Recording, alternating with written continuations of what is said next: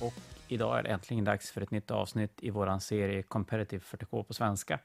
Vi har ett relativt nytt AdMec-kodex som vi inte har hunnit kika på i den här podden. Och det tänkte vi göra idag. Och som vanligt har jag med mig Daniel Hesselberg. Men för att vi ska få så mycket information som möjligt av den här boken så har vi även tagit in Rickard Nilsson som är en grym 40K-spelare men framförallt världens bästa Admec-spelare. Jag tänker mig att han får gå in i lite mer detalj hur det funkar och presentera sig själv. Så jag vill helt enkelt så att vi eh, kastar oss in i den nya Admec-boken. Tjena Daniel! Tja, tja, det är. Nu har vi nya leksaker att prata om. Ja. Och så eftersom vi inte riktigt har stenkoll på den här boken så har vi tagit in jag sa det om tyranniderna med, med Kalle också, men jag tror att vi får säga det igen. Visst är det Admec himself i Sverige, Rickard? Är det så? Ja, i, i, Sverige och i världen har det blivit också då. Eh, jag vann ju faktiskt Best in Faction det här året efter att ha försökt hårt i tre år nu då att bli bäst i världen med Admec. Och det kom ju sig så att jag bara tittade på rankingen en dag för tre år sedan och insåg att fan, jag ligger ganska bra till. Kanske skulle åka till Vegas och försöka, försöka bli bäst i världen. För jag hade lite ja, möjlighet helt enkelt att göra det. Så jag har varit på Vegas två gånger och jagat den här första platsen nu då i tre år. Eh, och fick den nu äntligen. Så ja, nu kan jag faktiskt titulera mig som världens bästa Admix-spelare. Eller ja, högst rankade ska jag säga kanske, inte bästa då, utan högst rankade i alla fall. Men då har du rullat Admec ganska bara Admec nu i ett par år? Ja, fast inte sedan sjunde editionen när de var eh, OP med sin War Convocation och sånt. Då var, var jag mer on the receiving end om man ska säga liksom, av, av mm. det. Eh, men sen i, när åttonde släpptes eh, så tänkte jag dags att börja med ny armé och då tyckte jag, jag har alltid gillat eh, de här Dune Crawler-krabborna, liksom, tycker de är så balla. Eh, så då började jag med Admec och eh, ja, har ju hållit i sedan dess helt enkelt. Spelat eh, så mycket jag bara kan och rest så mycket jag kan och spelat också då. Och skapat en liten eh, Facebookgrupp också som heter Competitive Adeptus Mechanicus med 2500 medlemmar nu då. Sådär, väldigt, väldigt het Facebookgrupp just nu då. Många nya medlemmar som vill ja, men det kan jag tänka mig att nu, nu är det komma extra... med på hype-trainet här liksom. ja, och det är ju lite, har ju varit så med de senaste är det tre böckerna i alla fall har, har det blivit väldigt mycket liv när det har kommit en ny bok med Drukari och med Dark mm. Angel och med Mortarion. Eller ja, ja Deathguard då, men Mortarion framförallt ja. kanske. Ja, men precis. Och de, jag tycker att de lägger böckerna ganska snyggt för tillfället ändå. Ja, ja men jag tycker de är hyfsat på samma nivå ändå. Liksom. Förutsatt att man får allt det uppenbart konstiga FAQ. Liksom. Men det, det tar en, det är en liten process kanske. Ja, men så är det väl. Och jag gissar att de gör böckerna, eller de gör ju böckerna ganska långt före och speltestar väl mot böcker som inte är släppta. Mm. Och, och, och, det gör väl att det kommer att smita igenom en del saker som, som eh, behöver fixas, som med Drukari-boken. Ja, men precis. Vad säger du Daniel? Då ska vi drilla Rickard hårt idag då. Ska han få berätta Absolut. alla, jag alla behöver lära mig boken. Veta. Det är nämligen en så svår bok. Ja, det är ju det. Den är lite komplex. Det finns väldigt många olika förmågor och sånt. Du får nästan göra flaggor och små kort och små tokens då för att hålla koll på allting. Och du får ju verkligen mm. inte glömma din command face för det är ju där all action sker nu för tiden i Admec då. Jag tänkte om vi, om vi börjar med, för Admec-boken i nionde har ju varit ganska bra. Det är väl en av de gamla böckerna som ändå har hållit måttet tillsammans med systrarna. Ja. Hur står den här boken i jämförelse med det? För det är ju alltid lite känsligt att släppa en bok mm. och göra den sämre om man skulle behöva göra det till och med.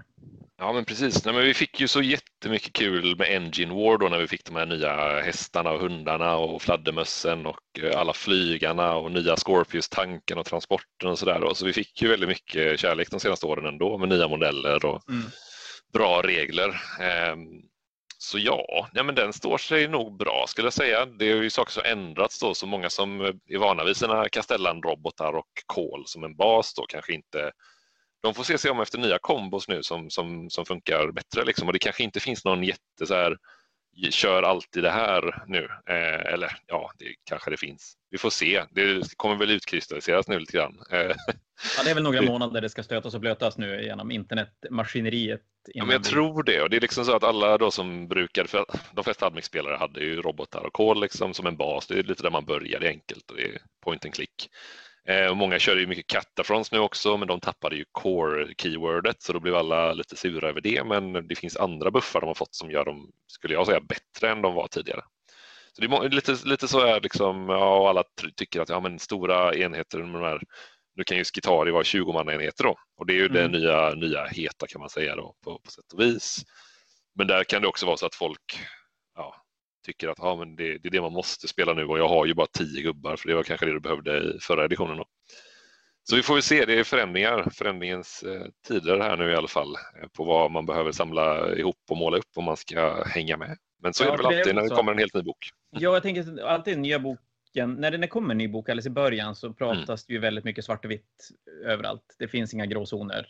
Det är antingen Precis. bäst eller så är det sämst mellan Exakt. de olika enheterna och så tar det en stund innan det innan landar. Och som du sa innan vi började spela in också så, så ska det väl komma en FAQ kanske. Vi, vi kommer väl till om det är någonting uppenbart som måste måste petas i, men, men ja, eh, det gjorde vi tog upp det, gjorde en facktråd i communityt, så det var väl 70 frågor ungefär som, som kom upp. Sen om alla var bra, det vet jag inte, så de som bad om det som har kontakt med GV då, eh, de, jag vet inte hur glada de blev av, så mycket frågor, men jag har sett en sammanställning och det är väldigt vettiga frågor. Så det är väl en typ fem till sju punkter som ändå är något man behöver eh, adressera i boken. Mm eh, som är lite feels bad om, om man får spela det så som det är skrivet och lite, lite småbrutet.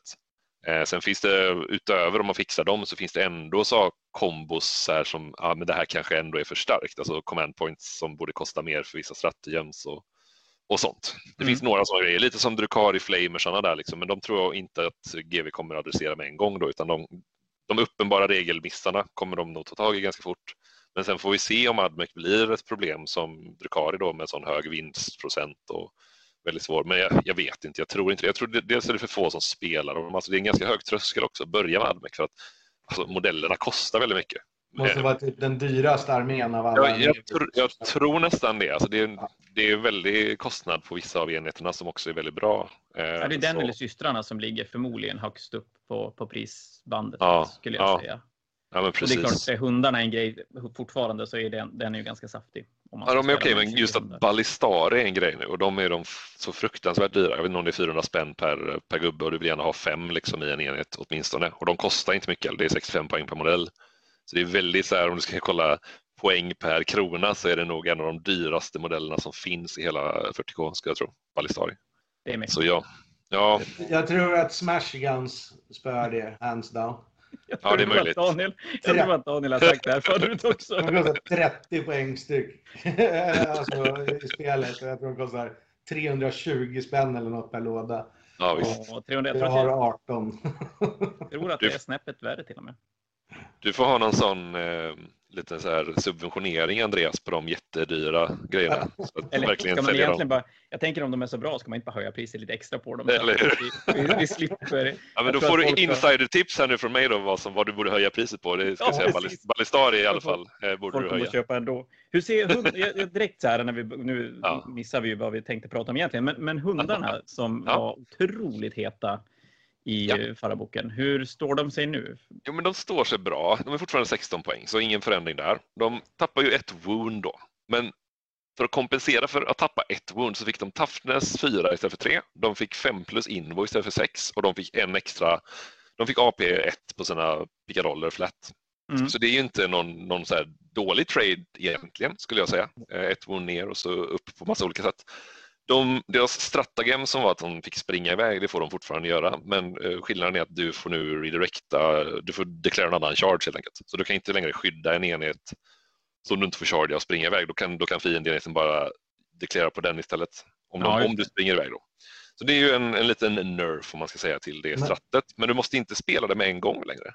Så du kan inte längre liksom bara deklarera med en, någon enhet utanför vid 12 tum för att tvinga dem att springa iväg med en gång. Utan de kan sitta, ja men jag chillar så måste du deklarera något annat också. Och jag kan fortfarande gå framåt och ställa mig i vägen och sånt liksom och hålla på och trixa. Så det går ju fortfarande att mecka lite med, med det, mm. skulle jag säga. Det, det, är ju fortfarande så att om man ställer upp tio hästar framför motståndarens armé eh, så kommer man ju inte därifrån.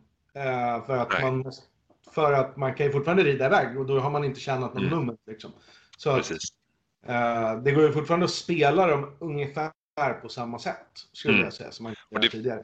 Det finns en hel del eh, så här, durability buffs på dem nu också då, eh, som man kan köra. Så det är, de, de har blivit lite tåligare ändå, just för att du kan stacka så mycket sånt på en stor enhet, så att de blir nästan helt odödliga. Mm. Är det, vi nämnde Iron Striders, eller ballistarerna, gjorde vi. Mm. är det någon annan enhet som... För, för de var väl ganska spelades väl en del tidigare också va? Ja, de var Eller- riktigt bra efter Engine War för de fick ju plus ett to wound stratagem och sånt liksom och Ja, plus två to hit för en command point och mortal wounds för fem år liksom obegränsat. Så de var ju väldigt bra. De har ju bara blivit bättre för att de har ju fått tre plus save i grund eh, och de kan också då om man spelar dem som mars exempelvis så kan de få ett plus save i grund i första rundan om man går tvåa då liksom. Så de är ju väldigt så här väldigt hållbara. Spelar man dem i andra Forge så kan man få en sån, lite som Dark Matter Crystal, då, att du kan flytta dem, göra engångsteleport. Eh, Så de blir, då kan du gömma dem också bättre och sen hoppa fram där du behöver. Det finns också en till, eh, Styges Forge så kan du redeploya två units. Så då kan du också sätta dem offensivt, sen ta tillbaka dem eller sätta dem defensivt, sen flytta ut dem eller byta flank på dem och sånt. Liksom. Så det finns en hel del, och, och de är ju core också då, så de får ju alla buffarna. Eh, det finns ju all, alla buffarna kan läggas på en ballistarienhet så att den blir också nästan odödlig. Men just den här odödlighetsgrejen, då är det frågan, vill du lägga den på en stor ballistarienhet eller vill du lägga den på nio hästar som du springer fram i eller vill- du lägga dem på en stor blob med Vanguards eller Rangers exempelvis då, så att du kan teleportera fram dem och sitta på ett objektiv med 0 plus save och ignorera minus 1 och 2 i AP och vara transhuman och allt möjligt. Det finns så mycket du kan lägga på dem på en unit då. Men det är lite där som kanske luret är också då. Ja, där kom den, där kom den. Ja, nej, men, nej, men precis. Nej, men det är just det att alla, alla gnäller då. Ja, men det är så OP att köra liksom 100, 120 stycken skitari då som man skulle kunna göra om du kör eh, sex stycken 20 manna enheter. Men det är bara en unit du kan buffa. Så, så jag tror nog att man ska spela en unit. Kanske, ja, för att du kan inte heller lägga på buffan när du reservar in saker och ting. För att allting sker i command-fasen. Så du kan liksom inte deepa in i movement-fasen med 20 stycken gubbar och förvänta dig att de ska vara buffade. Utan då har du bara dina vanliga Toughness 3 Rangers eller Vanguards utan någon extra AP, utan någon extra defensiv buff. Eh, och det är lite ett problem med leveransen annars med en 20-manna blob med infanterister. Liksom. Alltså du, för du vill, ja. Men det är klart man kan spela hård nu också. Det är ju en ny, en ny grej som vi inte kunde tidigare riktigt då med sådana här stora blobbar och det går säkert att få dem att funka. Och det finns en hel del warlord traits som man kan liksom köra och som går att liksom sprida över planen utan att du måste vara i närheten av dem också. För alla skitar i warlord traitsen har lite som en orderfunktion kan man säga att så länge du har ett, en uh, data tether som du kan köpa för fem poäng då, på exempelvis hästar eller på de här skitarenheterna. och som Ballistari också har i, i grunden, då kan du targeta de enheterna som har en sån radiokommunikation då, vart, du än, vart de än är på slagfältet. Du behöver inte vara i närheten med dina, dina karaktärer som buffar. Ja, det, det underlättar Alla de här buffarna, är det CP-törstiga saker eller är det Warlord Traits och, och eh, alltså, eh, inte, inte stratagems? Det är inte strategi, så allting är bara abilities. Så det är väldigt så här, billigt för, du får en jäkla massa abilities. Eh, så att du kan ha en tanky unit varje runda hela spelet. Mm. Är det några enheter som försvinner bort? Du nämnde Castellan Robots i början. Ja, eh, Cole är fortfarande ganska dyr för vad han gör. Han ger mest reroll 1 och nu liksom, och så är det en marsenhet som kan rerulla fullt. Liksom. Men nej, det, han känns inte så jättevärd. Han har blivit ett monster också, han är inte infanteri längre så du, måste ju, du kan inte springa genom väggar längre med honom. och. Eh, han måste ju vara din warlord också så du tappar ett warlord trait som du annars skulle kunna använda för något roligare. Så nej, jag skulle inte säga att han är så jättenödvändig för att det är mycket billigare att bara ta en Dominus för 75 poäng eller vad den kostar eller en Marshall för 45 som du kan ge både rolla 1 och to hit och to wound med en relic för 45 poäng. Så det är mycket bättre att bara köra en sån eh, om du ska ha auran då liksom. Är det därför Marshall har sålt så in i helvete? Ja, jag tror det, för att man vill gärna ha två sådana för att då har du access till två bra relics och två bra warlord traits och ja, de är väldigt billiga då. Så det, det, det är riktigt nice. Men eh, ja, robotarna har, de har ju tappat sin dubbelskytte-grej. De har ju tre olika protokoll och de börjar ju alltid i ett Mm. protokoll där de har plus ett på sin armor save. De får inte längre plus ett på invon som de fick tidigare, så de är, dör ju lättare av melter och sånt. Eh, dessutom tappar de ja, men just volymen på sina skott, de inte får skjuta dubbelt då. Eh, och de tappar lite range på sina huvudbössor. Eh, de blir dock damage 2, så det är väl okej. Men eh, det bästa nu är att köra en, eh, en, en fist för att kunna slåss i närstrid och en, en, ett skjutvapen skulle jag säga. Men de går lite fler. aggressor, aggressorbehandlingen, att de, de tappar lite damage output i jämförelse med tidigare och så finns det annat som känns in, Mm. mer intressant då för deras. Ja, I deras samtidigt, ja precis. För det, man körde aldrig punch-versionen tidigare. Eh, då, det var ju skyttet som var bäst då med kol. Liksom. Men eh, Nu kan man inte riktigt köra skytte för de har range 24 på sina vanliga bössor. De skjuter bara tre skott per bössa, så det är sex skott med huvudbössorna då, liksom, och ska ha en axelbössa som inte är lika bra. Så nej, som skyttebas tror jag inte på dem. Däremot som något mittemellanting då, där du kör en, en fist, för då låser du upp fyra stycken bra närstridsattacker med damage, flat damage 3 och bra, bra styrka och sådär. Så länge de är core kan du buffa dem också. Du kan lägga alla odödlighetsbuffarna på dem så att de har transhuman, ignorerar AP1 och 2. Och Men de är inte core. De är core om de är inom tre av en datasmith. Så det är en liten aura han har då. Och han kan ju ha och då kan du ju teleportera dem med den här eh, Dark Matter Crystal-aktiga reliken också i Lucius då exempelvis. Och Lucius eh, grunddogma, alltså som chapter trait kan man säga då, det är ju att mot damage 1-vapen får du plus 1 i armor save. Så de kan bli väldigt, väldigt tanky kan man säga, för att de har ju 2 plus save i grund och så en extra mot damage 1, ignorera AP 1 och 2, 5 plus invo ändå, 6 och studsa tillbaks, transhuman kan du lägga på dem då.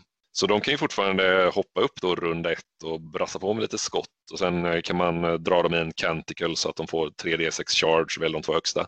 Så du kan ju trycka in fem bottar med kanske en reroll på chargen då, liksom runda ett. Och det kan ju vara svårt för vissa arméer att hantera.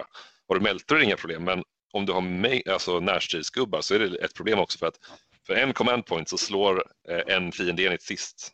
När- så den såg jag. Den, Så den, den är kan ju rätt, eh, ordentligt. Jättetrevlig på dem. Ja.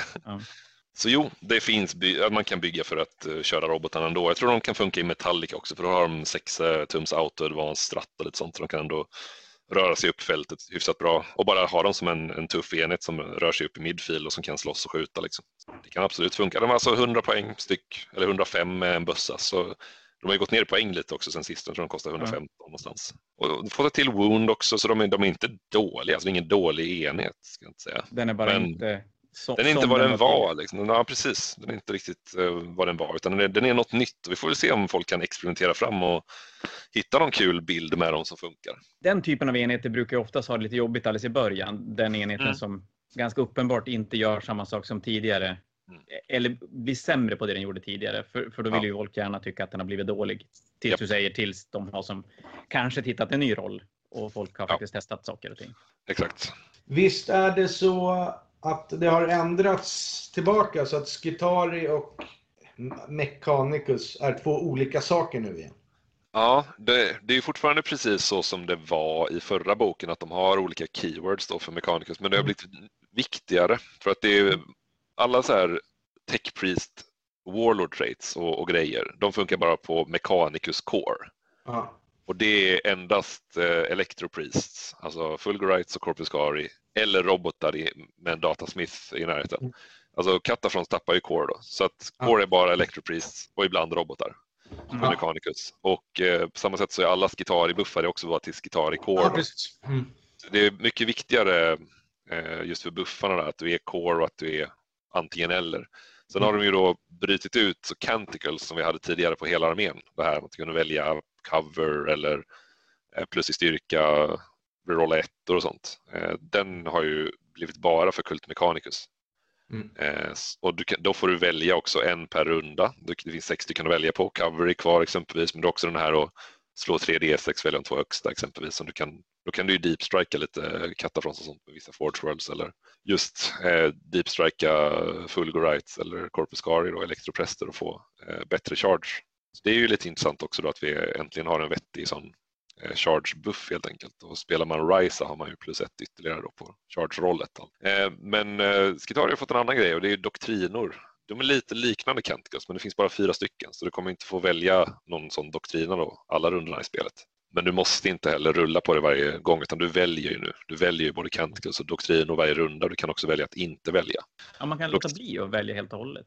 Ja, precis. Ja, klart då är det vettigt. Då kan man låta bli första rundan om man känner att man inte behöver. Ja, om man inte behöver, precis. Ja. Och det är, doktrinerna är ju så att du får en buff och en debuff kan man säga. Så att det är antingen plus ett, eller då är det plus ett i armor save men minus tre i move. Eller plus tre i move men minus ett i armor save. Eller plus ett i ballistic skill med minus ett i weapon skill. Eller plus ett i weapon skill med minus ett i ballistic skill. Och så finns det lite sätt då för att säga att den här enheten eh, skiter i att eh, få det, det negativa. Om du har marshals så har de en sån inbyggd ability att varje marshal kan säga åt en enhet i, i krokarna eller som har en sån här data tether då att ni skiter i det här den här rundan. Eh, men det, Och finns det inget sätt att manipulera Canticles längre. Så alltså Cole kunde ju slå om, eller du kunde ju plus minus ett på den här tabellerna och sånt. Och Mm. Det fanns stratagems för att få samma sak igen. De är helt borta nu. Så att cover och plus ett i armor save, vilket du kan ha i kombination då om du kör Mars. För Mars får Canticles på alla sina skitarenheter. Vilket gör att du kan ändå ha en, en flyer-lista eller en vehicle-lista med ett plus save på alla fordon runda ett om det går tvåa. Mm. Eller att du sprider ut det då. En runda kör vi doktrinan och nästa runda kör vi Canticle. Och det här är den arméspecifika bonusen som man får om man spelar ren Admec. Eh, ja, precis. Det är doktrinerna och eh, Canticles. Yes. Och du fick ta in en Knight får man göra utan att bryta. Ja, för Canticles. Eh, men eh, du, det är fortfarande, in- den har fortfarande inte admec keywordet så du får inte de här rabatterade Super Heavy Auxiliaries som alla andra får nu. eh, För Ah, att okej. de har samma keyword utan du måste fortfarande betala tre command points. Ja. Så jag tror inte det är jättevärt att spela Knights ändå eh, i admec. Nej, det är 3 command points lätt. Saftigt för den. Ja, sen ska du betala två för att köpa Warlord Traits och Relics till Knighten också för det, vill man ju alltid ha. Eh, just så det är inte mycket kvar sen liksom. Och sen vill du köpa massa extra relics och Warlord Traits till dina admec också. Så det kommer ju ha f- tre command points eller något. till slut. Är din bedömning att AdMec är ett törstigt kodex ur command points? Ja, men det är det åtminstone initialt. Du vill jättegärna köpa två extra Warlord Traits och två extra Relics ganska ofta. Eh, Så det är fyra command points bort där. Och vill du splasha in två patruller exempelvis om du vill ha lite blandning på dina Forge Worlds så Mm. då kostar ju det också. Mm. Däremot så de här Holy Order uppgraderingarna som man kan ge till sina karaktärer, då varje sån uppgradering du betalar för, och det är typ 25 till 35 poäng, då får du en, en gratis command point som du kan använda på en viss typ av stratagems. Okej. Mm. Så jag vet inte liksom, vad är ett command point värt egentligen? Om det är värt Ja. 25 poäng ungefär. Det är det nog. Har Ja, då köper man ju, då köper Har man ju den den frågan tidigare? Jo, har vi, har vi fått den frågan tidigare ställd till oss att hur mycket en stratagem kostar? Eller en command point kostar?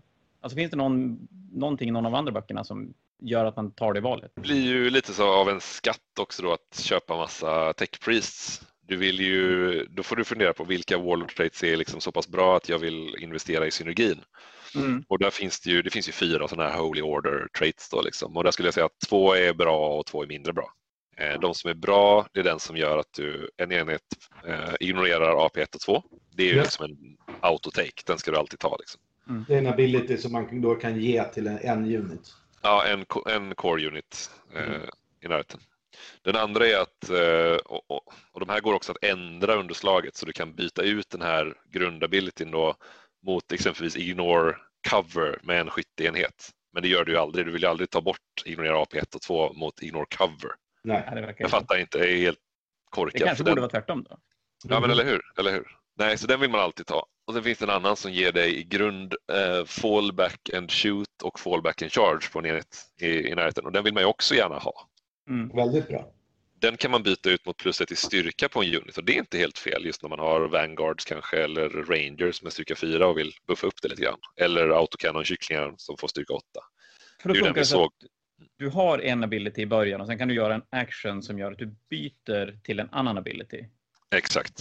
Kan man byta tillbaka sen? Eller är man fast Nej. vid den andra? Nej, då är du fast. Ja. Då är du fast. Eh, samtidigt så den här fallback and shoot och charge är ju jättebra, men det finns också ett Skitari Warlord trait som gör fallback and shoot och det är utan penalty på skjuta. Mm. Eh, Holy Order, är, då får du minus ett på när du fallbackar och shoot, men Skitarin skiter i det helt. Och eftersom allt du vill lägga det på kan du köpa data tether på, så du kan liksom få universal, en, en fallback and shoot unit vart som helst på brädet som Mm. har en data tether. Så du kan ju ta din stora odödliga blob då som kanske har låst i närstrid och någon har försökt slå ihjäl dem lite grann. Det kommer inte gå så bra med alla buffarna man kan lägga på den. Och då kan de fallbacka och göra samma onda skytterunda för att det är väl det som är lite mest brutet nu i output. Det är ju 20 vanguards då som woundar dig på 4 plus to hit med 60 skott. Mm. Så det är 30 auto wounds då som du behöver säga. Ja, då dödar man ju lite grann vad som helst. Ja, och du kan få minus ett på dem då med manipulusen för han kan buffa dem. Så skjuter du Mortarion exempelvis så har du ju 30 wounds på honom med AP1 och då failar han ju 15 ungefär, för han har bara 3 plus save. Och sen har han feel no pain på det, så det är 10 auto wounds med en 170 poängs unit på Mortarion. Så så länge du inte möter typ Terminators med Storm Shield så är den enheten väldigt bra. Mm. För en command point så får de den här, att 4 plus auto woundar. Yes. Och just med all, alla buffar du kan lägga på den här 20 manna enheten då. Ska vi lista dem? Kör. Så du börjar köra dem i Lucius. Det gör att all damage 1 som kommer mot den här 20-manna blobben har du plus 1 i armor save mot, så du har ett, ett 3 plus save. Och när du ska skjuta 20 manna blobbar så brukar du skjuta med damage 1 vapen eller slå med damage 1 grejer för att allt annat är lite waste när du har sex flygplan och ballistari och allt möjligt annat Catafrons skit som kommer, kommer ner, ner på fältet. Liksom. Så plus 1 i save, så 4 plus 3 plus save. Sen har du den här doktrinan då du kan poppa runda 1 också så att du får plus 1 på dina save. Så då sitter du på 2 plus 1 plus, eller hur? Då, ja, precis. Mm. Eh, sen har du ett Skitari Warlord Trait som gör att du kan ge dem light cover vart de än står. Så då sitter du på 1 plus 0 plus. Eh, så det är 3 plus på savet. Det är dels för Lucius, så det blir det från 4 plus till 3 plus. Sen har du doktrinen 3 plus till 2 plus. Ja, 1 plus blir det då precis. Och sen det här traitet gör också att om du står i en terrain feature, vilken som helst, så får du ytterligare plus 1 på savet. Så nu är vi nere på seriös 0 plus minus 1 där nivå eh, på den här uniten som du dessutom då heter här eh, Holy Order så att den ignorerar AP1 och 2. Så nu måste du komma med AP3-grejer för att göra någon skada. Så det är ett tips till alla spelare som kommer råka ut för den här. Att uh, kör lite Lightning Claw Vanguards kanske som du kan poppa till Assault-doktrinen om du har någon, något sätt att göra det så att de får AP3 då liksom. Men det tråkiga är också då att du kan ju också lägga Transhuman på dem för ingen, ingen kostnad. Så du, har ju, du woundar ju dem max på 4 plus. Dessutom så debuffar de dig i närstrid så du får minus 1 i styrka och toughness när du står i närstrid med dem. Så det är inte lätt att ta dem i, i närstrid heller. Eh, så det är, det är ju alla lager du kan lägga på dem då, om du inte vill ha en inkvisitor som ger dem 5 plus inv också, men det känns lite onödigt kanske. Det låter som att man ska låta bli dem.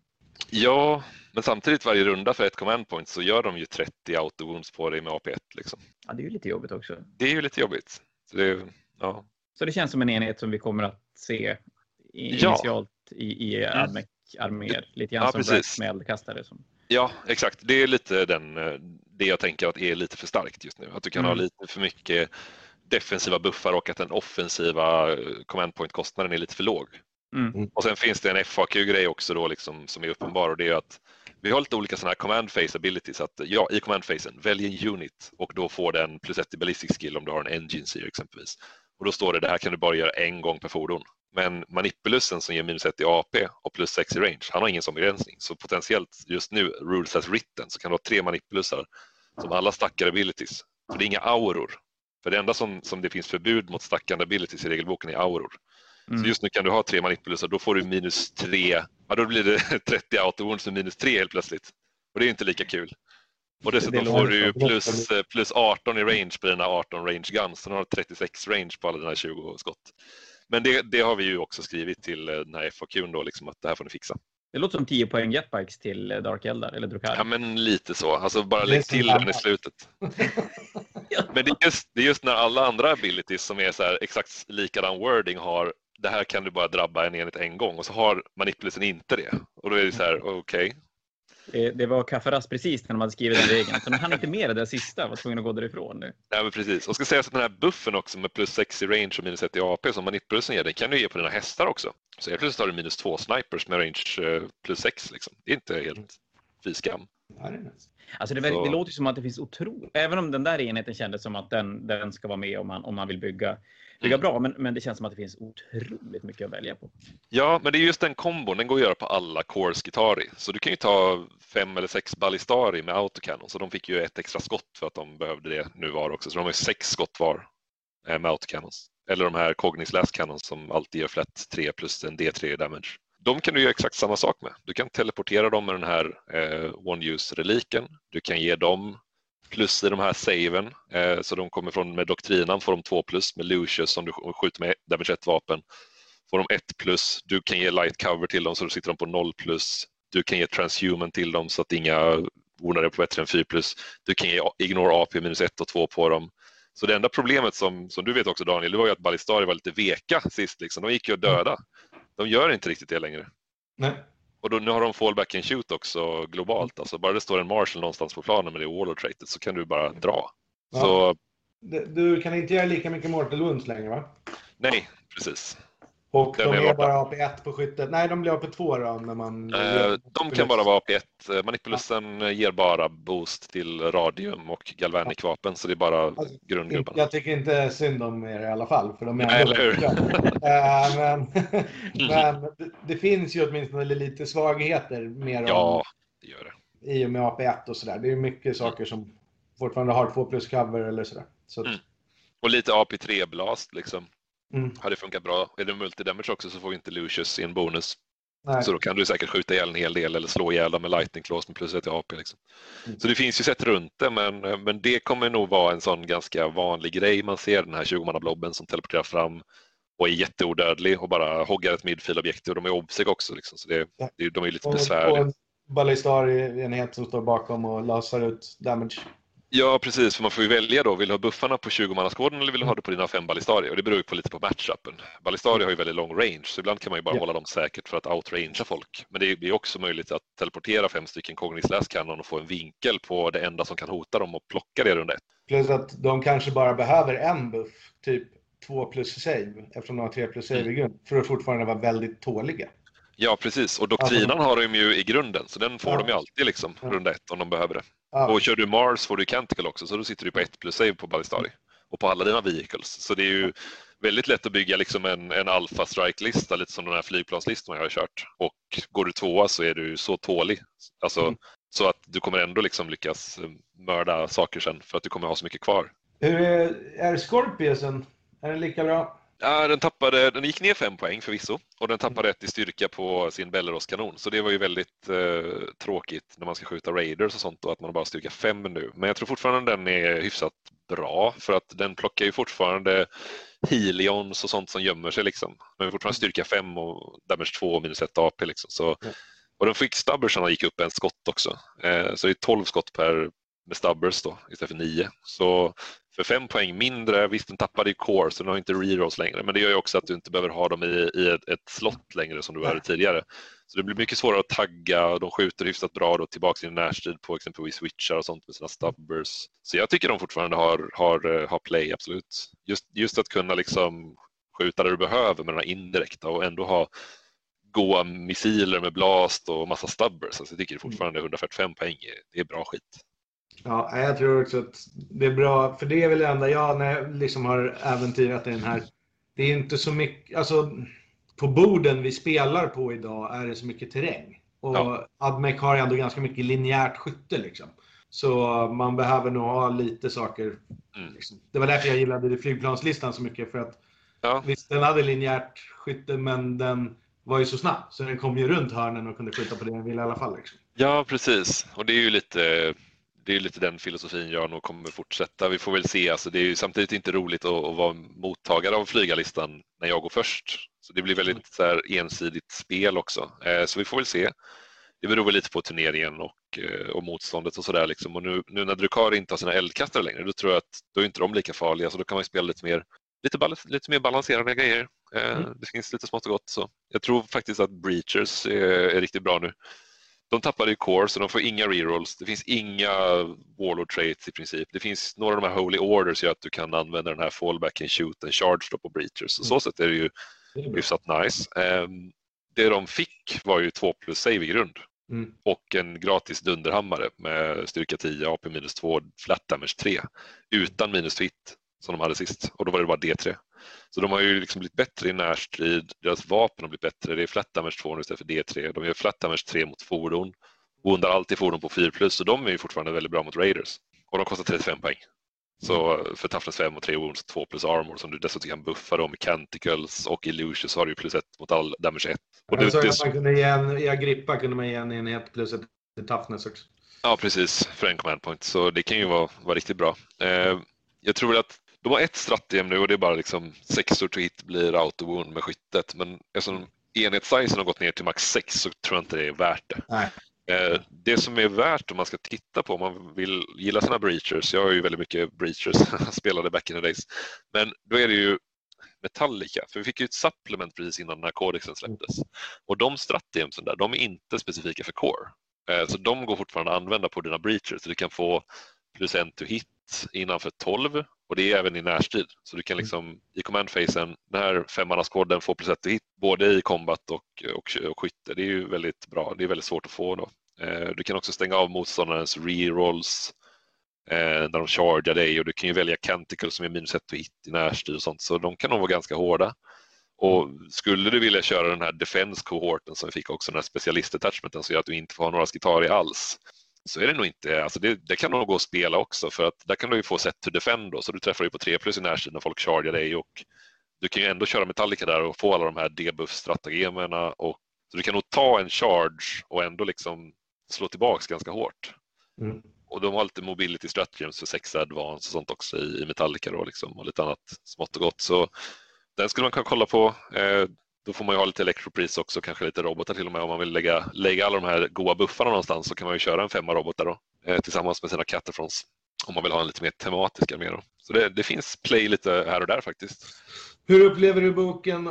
Det jag tyckte var mest imponerande med Dark Eldar-boken var att det i princip bar alla units kändes bra. Alltså det, all, det kändes så här, ja, men jag, jag kan spela med vad som helst i den här boken. Ja. Jo, hur, det... hur upplever du i den här? Håller, håller liksom vad ska man säga, finns det en intern balans som gör att det känns som du skulle kunna spela vad som helst? Ja, men det, det tycker jag faktiskt. Mm. Eh, det är väl bara typ Dragoons med Sniper Rifles som är fortfarande jättedåligt. Eh, mm. Men Dragoons med lansar är ju kalasbra. Mm. Det är samma logik den här dunderbuffade junten. Du kan lägga det på mm. Dragoons med lansar mm. och så tuffar de upp eller teleporterar sig i runda ett och står och står är farliga med jättemycket skydd på sig. De är också mm. 3 plus i grund och de har alltid minus 1 hit både mot skytte och närstrid. Mm. Och de har strategems för att explodera hits på femmor och, och sånt. Liksom. Så det finns, eh, finns bra play där och robotarna går ju att spela som sagt. Men jag, jag, tror liksom att när du har den här helt odödliga uniten då kan du ha den på robotar, kycklingar eller blobbar. Jag tror det är det som är mest värt. Då, liksom. Mm. Så fundera på vilken flavor du vill ha där. Vill du köra robotar eller kycklingar eller, eller de här stora blobbarna? Liksom. Mm. Och i så fall försök bygga någon, någon lista runt det för det är liksom alla, alla de goa aurorna, eller inte aurorna men de här command abilitiesarna vill du, vill du utnyttja och ha på någonting. Liksom. Annars eh, flygplan är fortfarande jättebra. Eh, Gunshipet gick upp 10 poäng. Vet inte varför bombaren inte gick upp 10 poäng. Det borde den mm. också gjort. Eh, den är ju dessutom bättre nu mot vehicles. Du ju sex tärningar istället för tre då mot vehicles. Så nu kan du ju bomba ut en, en nio wounds dreadnought runda ett med tre bombare liksom. Statistiskt mm. väldigt bra. Eh, nej, både Rangers och Vanguards är bra i Troops. Eh, Catafrons, alltså Breachers är bra. Destroyers, kanske inte så heta men funkar också. De fick också lite buff på save och sånt. Så det finns, eh, finns bra play. Alla karaktärer har, har nog en plats tror jag i olika listor. Och eh, alla eliten vi har då, alla prästerna, de här Sicarians och fåglarna och sådär. Och hästarna. Jag tror allting, allting går att spela, absolut. Det är skitkul om de lyckas med en till bok att mm. göra så. Jag tycker nästan, jag var inne på det nu ett tag, jag tycker nästan att det är okej okay att de gör böcker som har några grejer som blir lite för bra som de är tvungna att gå in och peta i. Istället för att göra böcker som har så mycket dåligt. För det känns mm. mycket svårare att gå och buffa upp saker istället för att kapa lite grann. Ja, jag tror ju att flygarlistan är den som är, är bäst just nu om jag ska vara ärlig. För att det är just det här med mobilskytte som är så jävla kraftfullt. För att du kan komma runt och du Går du först så har du nog med skytte till att mörda det mesta. Liksom. Du kan plocka ut det som är farligt för dina flygare och sen så har du air superiority lite grann resten av matchen och då är det svårt att överleva. Och den är också väldigt bra defensivt nu då för att du, du har de här buffarna som gör att du får plus ett i save runda ett och plus ett extra för att du har Lucius Dogman. Och jag menar, sex flygplan, det är inte, det är inte hela din armé, liksom. det är under hälften av armén. Så du får fortfarande in om vi ska ta den flygarlistan jag tittar på nu då som jag, jag tror är bäst för stunden utan att exploatera några konstiga regler så är det ju de. Mm. Sex flygarna, liksom tre bombare, tre gunships i Lucius eh, och då kör du tre patruller. Då. Eh, sen har du fortfarande den här 20 manna blobben med Vanguards som du mm. lägger alla buffarna på som jag pratade om. Så den kan ju hoppa fram och ta ett midfield objektiv vilket gör att du förmodligen i två rundor så har du mer än bara din hemmaknapp och det var ju ett problem tidigare att du mm. liksom hade problem att komma ut. Nu har du den här blobben och har du inte AP3 så är du körd. Om du inte har kvantitet av AP3 så går det inte att ta ut den. Den kommer bara skjuta på dig, den kommer fallbacka, den kommer stå på det här objektivet och den är stor nog för att blocka ut också. Så den kommer liksom inte vara hotad.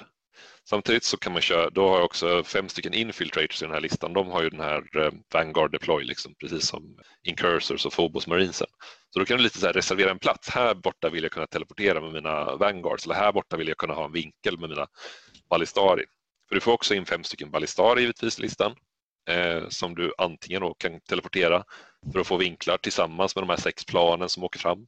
Eh, för att spela missionet då så är det ju Engage är ju given, det får du 15 poäng på varje runda för, eller varje match eftersom du har sex flygplan.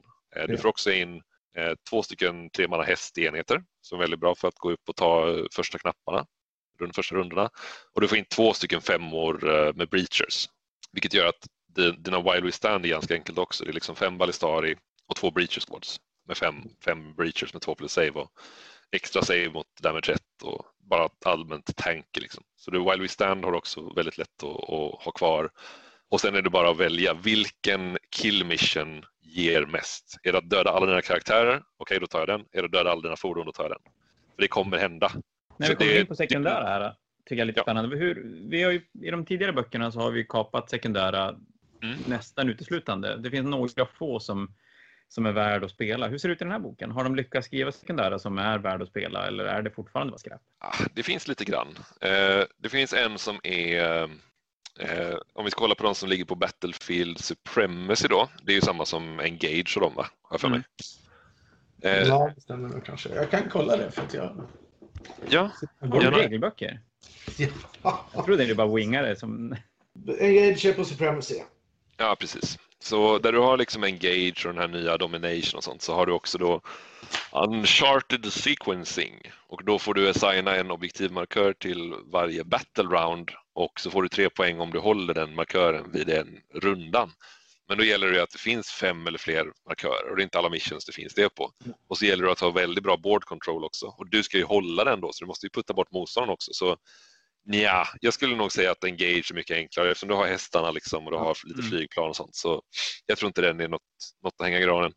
På samma sätt finns det en till då, Hidden Archivolt och då är det så att din motståndare får välja ett objektiv på planen som inte ligger i deras deployment zone. Och då får du två victory points per bet, eh, slut på battle round om du håller den och du får fem om du håller den i slutet. Jag tror inte den är något att ha heller för att då kan motståndaren bara säga ja, men ta den här borta där jag har bra tryck och sådär och kan putta bort i varje runda och sånt. Så nej, det känns, så de känns lite tråkiga. Däremot så finns det ju då på No Mercy No Respite. Är det den som While We Stand ligger också under eller? Jo, men det stämmer. Uh, no prisoners grind them down to the last, uh, det vill säga... Ja, den här nya. Nya, ja. Gam, nya While We Stand. While We Stand, ja precis. Så den ligger ju där då. Där, där har du ganska lätt att bygga While We Stand för att eh, en stor ballistarienhet med alla de här nya defensiva buffarna, den kommer vara väldigt svår att plocka ut. Just att de kan fallbacka och skjuta och sådär. Så den borde du kunna hålla åtminstone en vid liv. Och, och sen är det då liksom att du ligger någonstans här med, om du kör flygare runt 130 eller 160 poäng och de här stora blobbarna kostar 170 så kör man två enheter med Catafrons då så ligger de på 175 ganska snyggt och blir väldigt besvärliga att plocka ut för att när du har så mycket annat som, som du kan trycka in, liksom, du behöver inte köra flyers, du kan ju köra jättemycket närstridsgubbar som kan infiltrera upp och sånt. Då, liksom. eh, infiltrators eh, och ruststalkers och präster och grejer. Det blir ganska svårt att prioritera de här två enheterna som kanske mer sitter i, i mid backfield och, och skjuter och är tjocka. Liksom. De är obsec också så de är väldigt bra för, mm. på det. Så jag tror nog Wild We Stand kommer ändå vara lite hetare, men det här är ett litet bra alternativ. Och det heter Eradication of the Flesh och det är score 3 victory point at the end of your battle round if there is at least one Adeptus Mechanicus vehicle unit on the battlefield och det kommer du ju ha. Eh, och om du har dödat fler enemy infantry än motståndaren har dödat vehicles av dig. Units är det, inte models. Vehicle, ja, vehicle units precis. Så kör du stora ballistarienheter så blir det jättebesvärligt. Kör du flygplan mot en hyfsat mot en lista som kan ta hand om dina flygplan så är det nog lite dumt.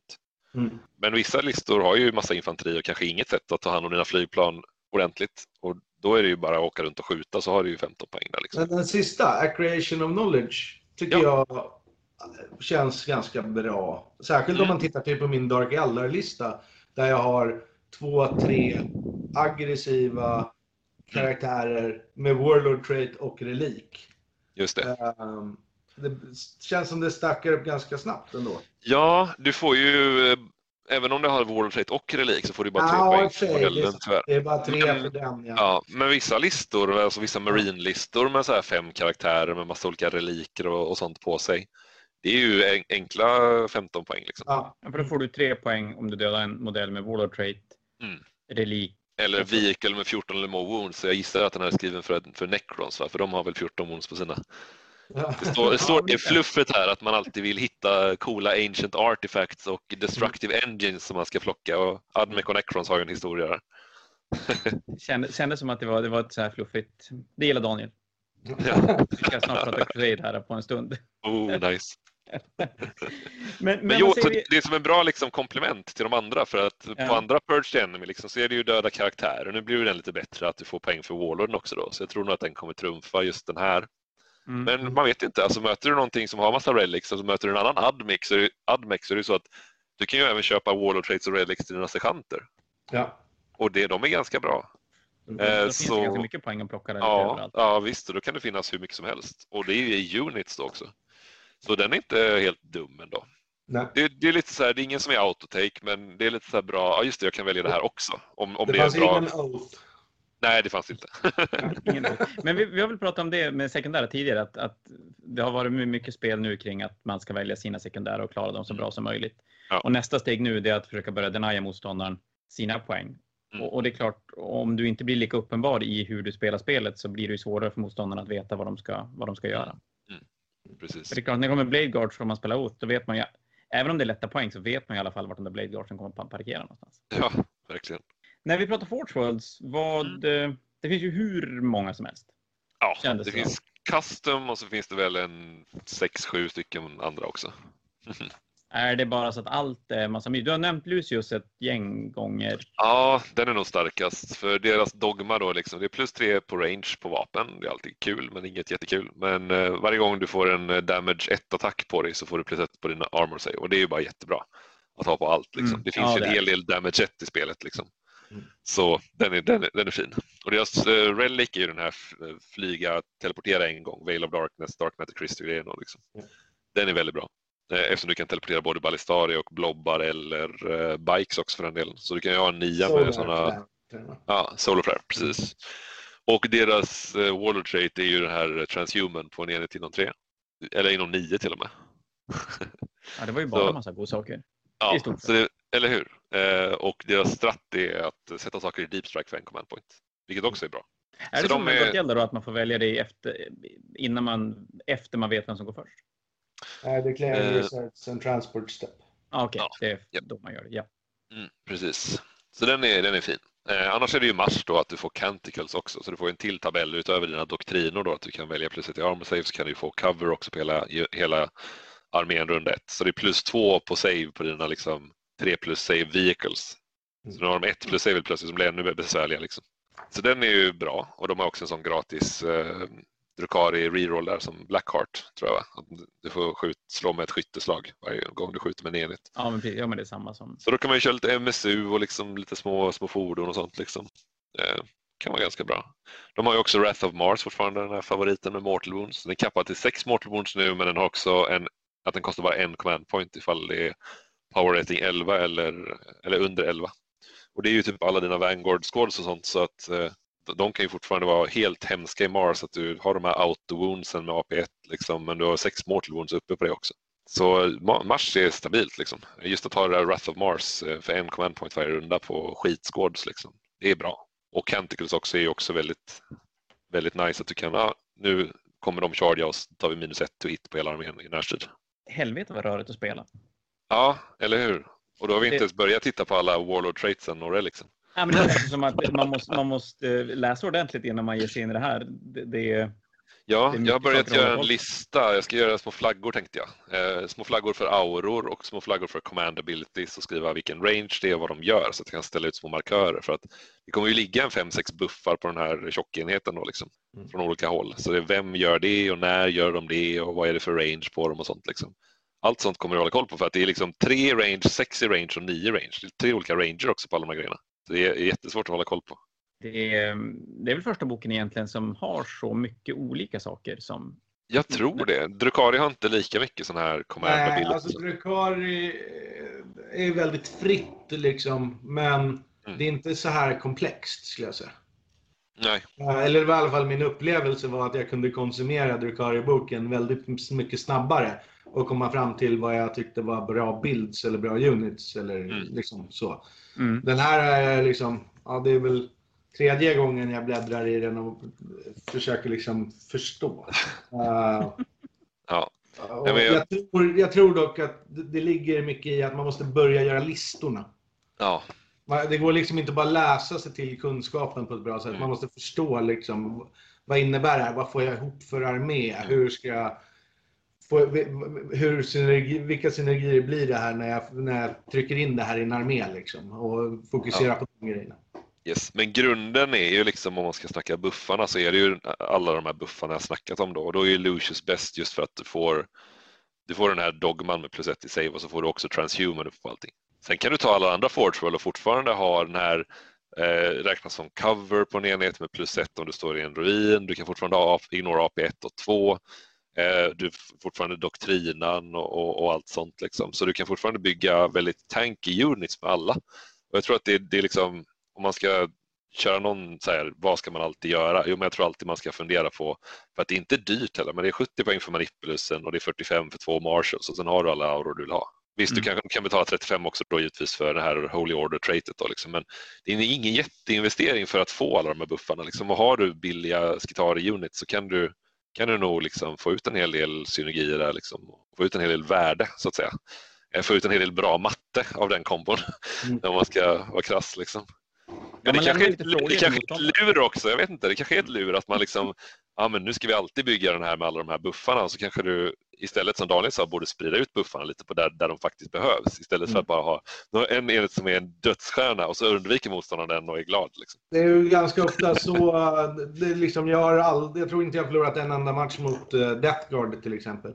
Nej. Uh, med Mortarion. Hur står För det det Dark går ju Angel, så att tänker spela jag? runt den gubben liksom. Mm. Och, så här, ja, han får väl döda en grej i rundan då eller något sånt liksom. Så dödar man allt runt omkring liksom. Så jag tror kanske att det- det kanske är hur bra som helst och, och jag får ta, ta tillbaka det jag just nu kommer säga. Men jag tror att det kan vara ett lur att göra dödsstjärna upp saker Ja. eh, för mycket liksom. Um, Ja. Samtidigt, jag tror, kan det räcka med att ens fordon har två plus save för att det är bara så här, jag orkar inte skjuta på dem nu. Det är, Ja. det, är jobbigt liksom. precis, och då då kan du kan- spara men- ett plus savet till nästa runda så har du två rundor med plus ett på save istället Ja, för att du precis. bränner det på en gång. Så jag tror att det är Ja. sånt, sånt lur tror jag det finns. Ja, det tror jag också.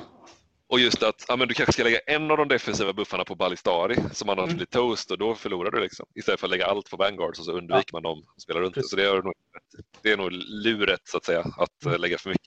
För mycket Ja. godsaker helt enkelt. Ja, men man blir liksom så himla liksom. sugen på det tror jag. Och så gör man det och så motståndaren bara, ja men då struntar jag väl dem den här rundan och så Mm. dödar jag andra saker. För det finns ju mycket annat att döda i listan liksom. Man Ja. är ju lagom upptagen med de där planen i alla fall liksom. Exakt. Men jag tror, jag tror nog ändå att så här, just att om man ska kolla på vad som är det bästa att lägga det på så tror jag nog att det är Vanguard-skåden. Liksom. Mm. Just för att det, det, det är liksom en stor jävla troop-blob som du sätter i midfield på ett objektiv. Så det är liksom poäng i banken så att säga.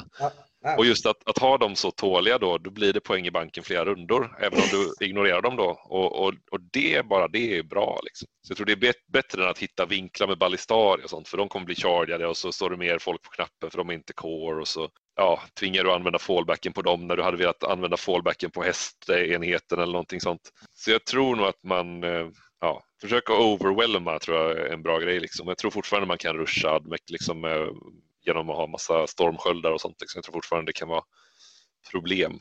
För vi har inte så mycket hög AP. Liksom. Det är ju Last Cannons som eh, AP3. Liksom. Men det är väl dem. Liksom. Annars är det AP2 och 1 på allting. Så har du lite sköldar och sådär så har du nog en skaplig chans. Just om du kan få upp AP3 också då, eh, viktigt. Så att du kan sätta dig i Assault-doktrin.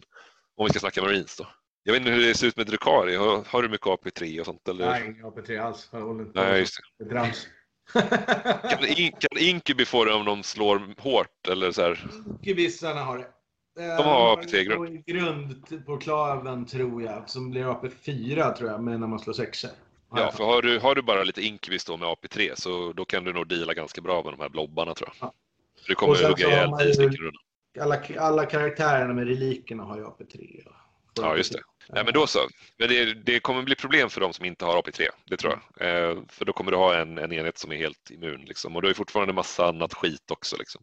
För Mm. att ballistadienheten kostar ju 325 eller sånt och den skjuter ju hutlöst mycket. Liksom. Så det, det finns fortfarande rum i listan liksom, för annat. Och man kan ju liksom spamma saker också. Du kan ju köra tre enheter med fem ballistari liksom, och de kommer bara kräkas ut skott. Mm. Och just, just att de har 3 plus i grunden nu då, liksom, så blir ja. de ju jättejobbiga att ta koll på. Verkligen.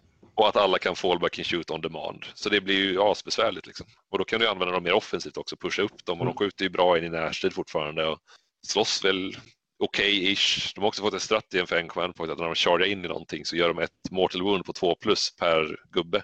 Så du kan ju mm. lätt göra liksom 4 till 5 mortal wounds när du chargar in på något också, bara sparka ihjäl en jobbig karaktär eller något med, mm. med ballistar liksom. Det har du inte kunnat innan. Så du kan använda dem mycket mer pushigt nu också liksom. Mm. Och de är så ja, billiga, 65 poäng ut. liksom. Det är så tråkigt att bli petad på. Jag, jag gillar ju att ha möjligheten till två av dem som du pratade om. Det tror jag är bra. Ja, givetvis beroende på vad man spelar för lista. Men ja. Eh, det känns bra liksom, att kunna gå ut med två olika grejer. Så inte motståndaren bara kan peta på en saker med saker som motståndaren själv vill ska överleva. Ja, men jag petar med Reavers och Helions liksom här ja. för att jag vill att de ska överleva liksom. Och så... Ja, men precis.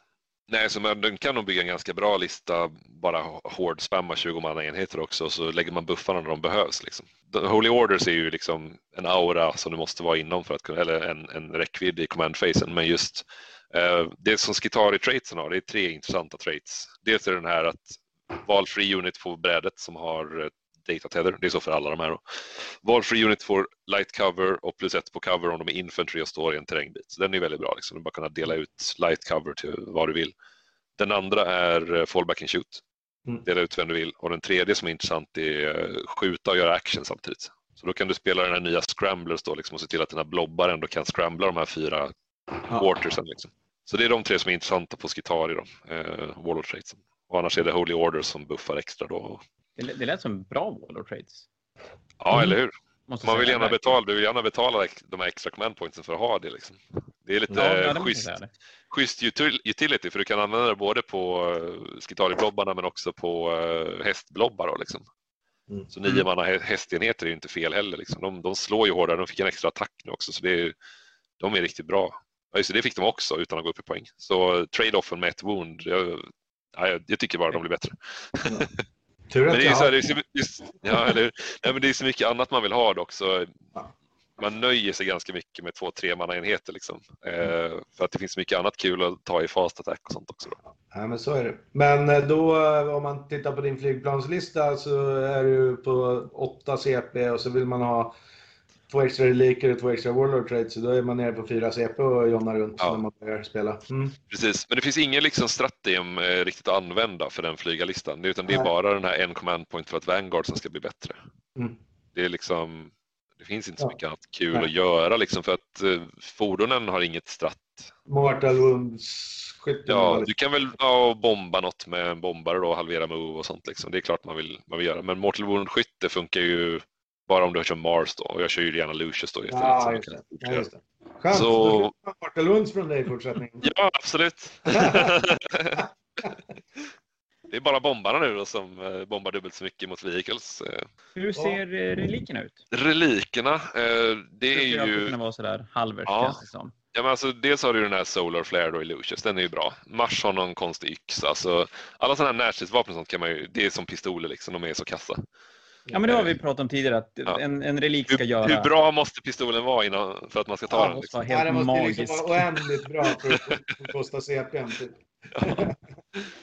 ja, nej, men annars finns det inte så jättemycket intressanta reliker bland eh, Forge Worldsen här. De är ganska kassa, skulle jag säga. Eh, faktiskt allihopa. Ja, alla är kassa. Eh, utöver Lucius. Så det är den enda bra Forge World-reliken, skulle jag säga. Sen har du lite annat kul då. Jag var inte superimponerad av de andra relikerna heller. Jag tyckte att det kändes som det var mycket pistoler och yxor. Och, ja, det är mycket pistoler och yxor. Det är mycket skräp. Det är ju typ den här, vad hette den då? Rain, uh, Rainment of the Technomaster tror jag är ja, den som är bäst. Alltså, dels ja. får du ju 5 plus feel och pain på en karaktär och sen ja. så kan du ignorera any or all modifiers både på hit roll och ballistic skill ja. på en Unity inom 3. Så det är också någonting du slänger på dina Vanguard så att eh, motståndarna inte kan lägga Lightning Fast Reflexes eller att du skiter i att de står i cover och sånt. Liksom. Så den, den är också den, lite den, är lite autotake då, för den buffar ju både om du teleporterar iväg eller, eller en ballistarienhet. Liksom. Så den är, mm. den är skitbra. Liksom. Sen finns det en till och det är en Tempor, Temporcopia. Då är det Start of the fight phase, select one enemy unit within 3 och den är full strike last då. Och den kan du ge till en sergeant, så då kan du ju ha en, en tia Rust Stalkers eller Infiltrators då, liksom, som kan ge uh, Strike Last. Så det finns ju den och så fanns det, finns det ju Stratiemet då eh, Electro för Electropriests och eh, Core-robotar som ger Strike Last. Och så finns det ett Skitari Warlord Trait också, ett till som är lite intressant som ger Strike First också. Då. Men problemet är att dina, dina Skitari-enheter som har de här som är lite fighty, liksom, eh, Sicarians och sånt, de har inte data feathers så de kan inte få den på, på distans. Däremot eh, en, en femma Dragoons med lansar kan få strike first på distans. Och det är inte helt illa pinkat heller. Mm. Så Dragoons, ja, fan, jag är lite sugen på dem också. Det är en plats det... för dem också då där? Ja, men jag tror det. Fast då, är, då får man ju bygga om då, för då vill man ju ha alla buffarna på dem, för de kommer ju faktiskt vara lite mer utsatta då. Liksom. Mm. Men just att kunna ge dem strike first är ju bra, för om något dig då så har du ju bägge strike first och då väljer du först nu. Ja, så... De fuckade den precis bara för, för en vecka sedan typ. Ja, precis. Så då, om, om du blir påhoppad med Thunderhammers i Assault-doktrinen så kan du slå ihjäl dem innan de slår ihjäl dig exempelvis. Mm. Så de är nog inte helt dåliga och då kontrollerar du, då får du bygga mer så här, kontrollera midfield-armé liksom och då kan du ju köra dem som ja, ska man köra dem? Man ska nog ändå köra dem som Lucius så man får den här transhuman och sånt. Jag tror, jag tror det är för bra för att inte göra det. Mm. Och, ehm, men, men också liksom köra mycket skitari hordes då, liksom, och köra bara massa blobbar med tethers, liksom, stora hästenheter som kontrollerar midfield, stora troop-blobbar som är obsec eh, och bara se till att ge dem order som de behöver liksom, och, och faktiskt ha midfield presence med dina karaktärer. Dominusen ger ju rerolla ettor i närstrid nu också, så det kan ju vara bra på, på dem. Och det finns andra reliker också som buffar Skitari i närstrid. Så nej, det finns mycket kul ska väl sägas. Men ja. relicsen så är det väl de två eh, som är ja. spännande. Man kan väl säga att jag tycker GV, det känns som GV har lyckats med en till kodex. Jag tycker också det faktiskt. Mm.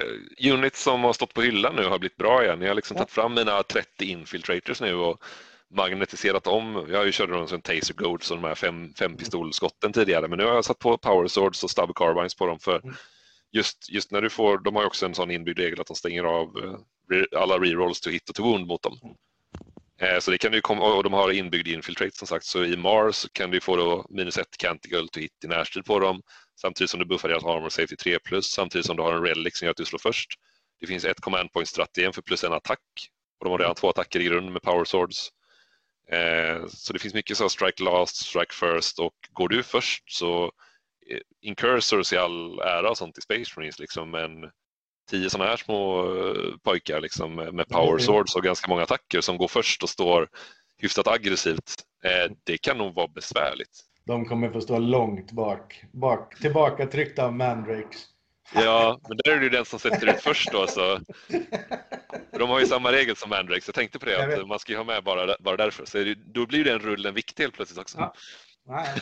Men det slog mig nu när ni pratade, det var mycket Always Strike First, Always Strike Last. Eh, ja. Är inte det ett ganska perfekt tillfälle att få den lite förtydligad, förklarad nu? För, för den är, jag märker det i butiken när vi pratar 40K mycket, mm. att det är en regel som folk gärna inte har riktigt koll på hur den funkar. Mm. Den borde ni ha koll på. Ja, har du, ska du köra Daniel eller ska jag? Du kan få ta den Rickard. Nej men det, det nya är nu då liksom att eh, om du har en Always Strike First ability då.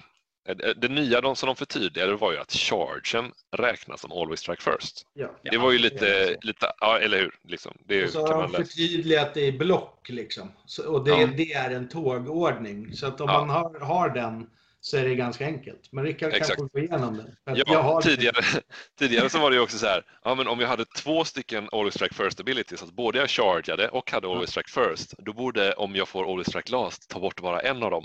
Det har de också förtydligat, så om du, om du får en Always, om du har en eller flera Always Strike First och en eller flera Always Strike Last på samma unit så försvinner allt, bägge dem och så slåss alltså, du, kan ha, du kan ha tio Always Strike First och en ja. Always Strike Last, ja. då slår du i... De tar ut varandra, de tar ut varandra mm. precis.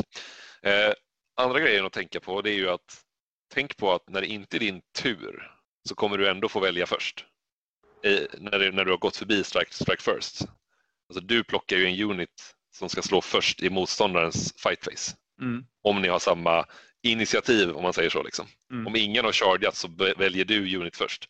Vilket gör att om du ger always strike first till en av dina units och så blir den chargad av någonting då har ni ju bägge always strike first, vilket gör att ni ligger på samma eligibility to fight, vilket gör att du väljer först. Så att när du lägger always strike first så är det väldigt bra defensiv buff också. Och samtidigt om du kan ge always strike last då, vilket vi också kan, så kan du också bli chargad av någonting. då har de ju Always Strike First, men det tappar de för de får också Always Strike Last. Och då Och väljer då slåss ni först. på, ja, och då väljer jag först.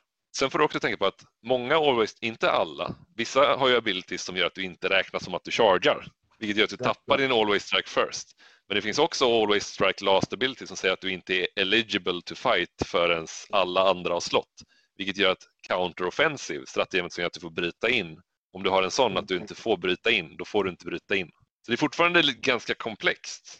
Ja, det är fortfarande där är det en skillnad på All Strike Last och All Strike Last beroende på om jag fyller finns- på med Det finns som Daniel säger, det finns en tågordning nu kan man säga då, som man kan följa liksom för, att, för att komma fram till någonting som faktiskt inte är tvivelaktigt. Och det är skönt. Mm. Ja, det är ju otroligt. Det, det, var, det trodde man inte skulle hända för fem år sedan. Att vi skulle få sådana grejer. Eller hur? Lyx! Ja, det är otroligt skönt. Otroligt Ja. Nej, Men men så i, ja, i slutet Nej, på förra... att... Ja, Ja. Nej, men bara i slutet på förra boken så kände jag ju inte riktigt att man kunde tävla längre med just alla, alla arméer som har Always Strike First och Always Strike Last, för vi hade inte det. Mm. Eh, och så blev elektroprästerna lite nerfade att de inte fick sitt balla balla invo längre och sådär. Så därför gick jag mer och mer över till flygarna, men nu kan vi faktiskt tävla i fightfacen igen. Mm. Så då, då är det också sådana listor då med Dragoons exempelvis som du kan lägga en Always Strike First on demand vart fan som helst ifrån. Du kan ju också ge data tether till dina infiltrators och uh, rust stalkers om du har ett flygplan i närheten. Eller om du har just ballistar i närheten så kan de, Ärva det. de kan, ja, de kan liksom sätta upp en antenn och säga att nu får ni det.